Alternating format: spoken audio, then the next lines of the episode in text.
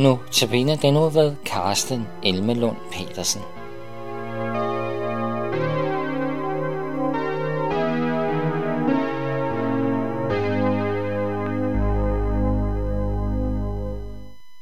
Velkommen til Notabene-andagten. Det er Carsten Elmelund Petersen, der er i studiet, og jeg er øh, lektor på Dansk Bibelinstitut. I denne uge skal vi tage udgangspunkt i nogle øh, tanker, nogle ord fra salme 103 i det gamle testamente. Og øh, jeg læser vers 22. Pris Herren, alle hans skaberværker over alt i hans rige. Min sjæl, pris Herren. Salme 103 er en stor lovprisning, øh, hvor hele universet, kosmos, det er jo Guds, og det øh, bør prise ham for hans skabermagt, for at han har givet det liv. Ofte understreges i bibeltekster og forkyndelse, at jorden er Guds, og at vi er forvaltere af Guds øh, gaver, mens vi lever her. Men her siges det mere vidtgående, at jorden, den første himmel, og den anden himmel og den tredje himmel, alt i kosmos tilhører Gud. Alt er fra ham, og alt skal ære og prise ham. Også englene skal prise Gud. Det ser vi her, og det ser vi i forskellige tekster i det gamle testamente hos nogle af profeterne, og vi ser det særligt i Johannes åbenbaring sidst i det nye testamente. Men ofte så er vi blinde for engles betydning i den verden, vi lever. Vi er jo ofte bundet af naturvidenskabens præmisser. Vi tænker, at vi kan regne med det, der kan måles og vejes og bevises. Men der er noget, vi ikke kan se med vores øjne og vores ører, og som vi ikke kan føle og mærke på med vores lugtesans eller vores smagsans eller vores hænder ved berøring. I forbindelse med skabelsesberetningen står der, således blev himlen og jorden og hele himlens hær fuldendt. Gud skabte altså også en hær af engle, og derefter så hvilede Gud på den syvende dag. Og det siges i et af skrifterne i det gamle testamente, Nehemias' bog, Du Herre er den eneste. Du skabte himlen, himlenes himmel, med hele dens hær, jorden med alt, hvad den rummer, havene med alt, hvad de rummer. Du giver dem alle livet, og himlens hær tilbeder dig. Himlens hær, det er en interessant størrelse, Gud har utallige engle at sende ud for at udføre sine beslutninger. Og da Jesus skulle dø på kors, så kunne han have bedt sin far om at sende 12 legioner engle til at forsvare sig. Men Jesus døde frivilligt på et kors af kærlighed til dig og mig for at frelse os fra vores sønder – men han kunne have undgået det. Men så er vi ikke blevet frelst.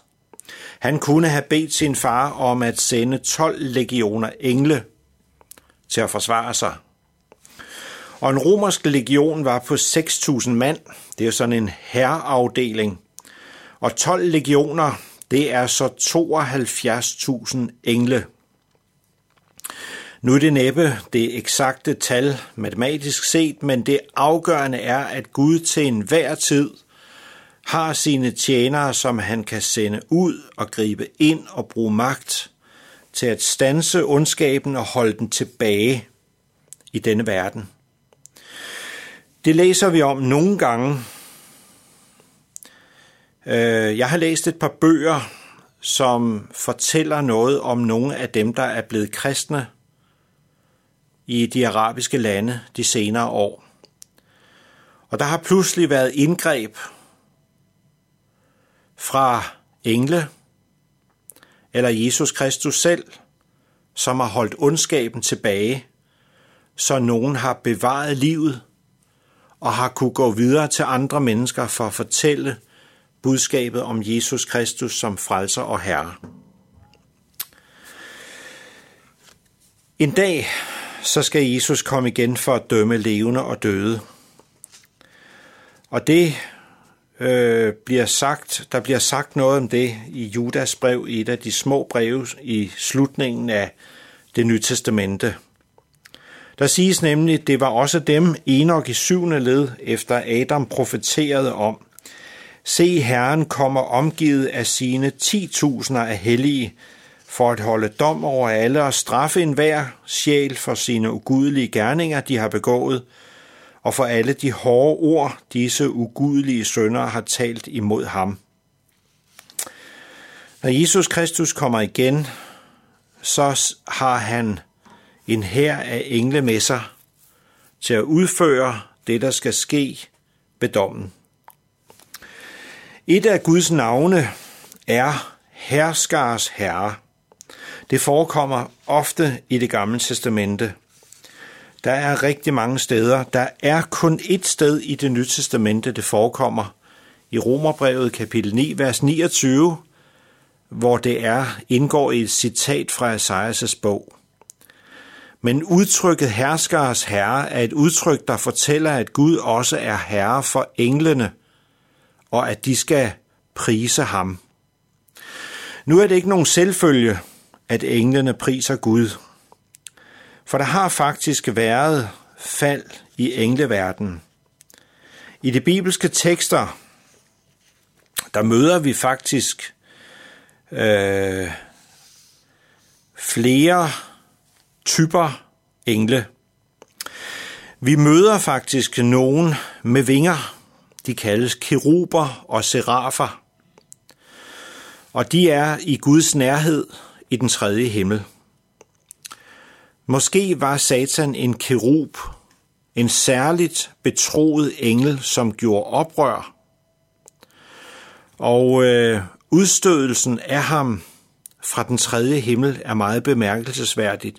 Der er en tekst i Ezekiels bog i det gamle testamente, som rummer flere lag, men den kan godt læses som om, at han, Satan, var den eneste kerub, der er blevet udstødt fra den himmelske verden, og som er i den, har øh, indflydelse i den verden, vi lever i.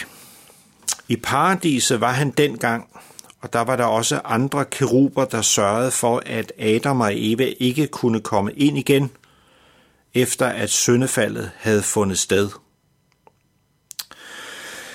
I det nye testamente,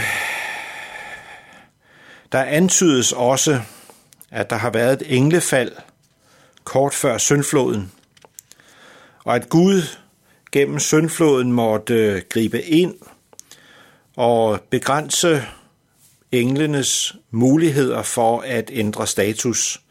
Efter syndfloden er det ikke muligt for engle længere at gøre oprør mod Gud. Og øh, vi læser der også i det nye testamente, at Kristus prædikede efter sin død og før sin opstandelse, så prædikede han i dødsriget for de fængslede ånder fra tiden før syndfloden. Han prædikede ikke evangelium for dem, nej, han prædikede og proklamerede, han prædikede dom, og han proklamerede, at han var sejrherren. Og øh, med Guds dom med syndfloden, så begyndte en ny epoke i menneskets historie. Gud er den, som ønsker at frelse, og derfor holder han dom over ondskab, synd og vantro. Og for at han kan bevare og føre alle dem, som tror på ham, frem til evig salighed, så sender han nogle gange engle til hjælp for de troende, og han har også brugt det mange gange til at meddele budskaber, som vi kan læse det. Det skete julenat, da Jesus blev født, men Gud sender engle til hjælp for de troende, og os, der lever i tro på Jesus Kristus, har, uden at vide det, fået hjælp. Vi skal ikke tilbede englene, men vi skal tilbede Gud og Herren Jesus Kristus, som vores Herre og Frelser. Lad os bede. Tak, Jesus, fordi du har al magt i himlen og på jorden. Og vi beder os om, at vi må prise dig for din storhed og din magt og din frelsesvilje, at vi må prise dig, ligesom alt det andet skaberværk må prise dig. Amen.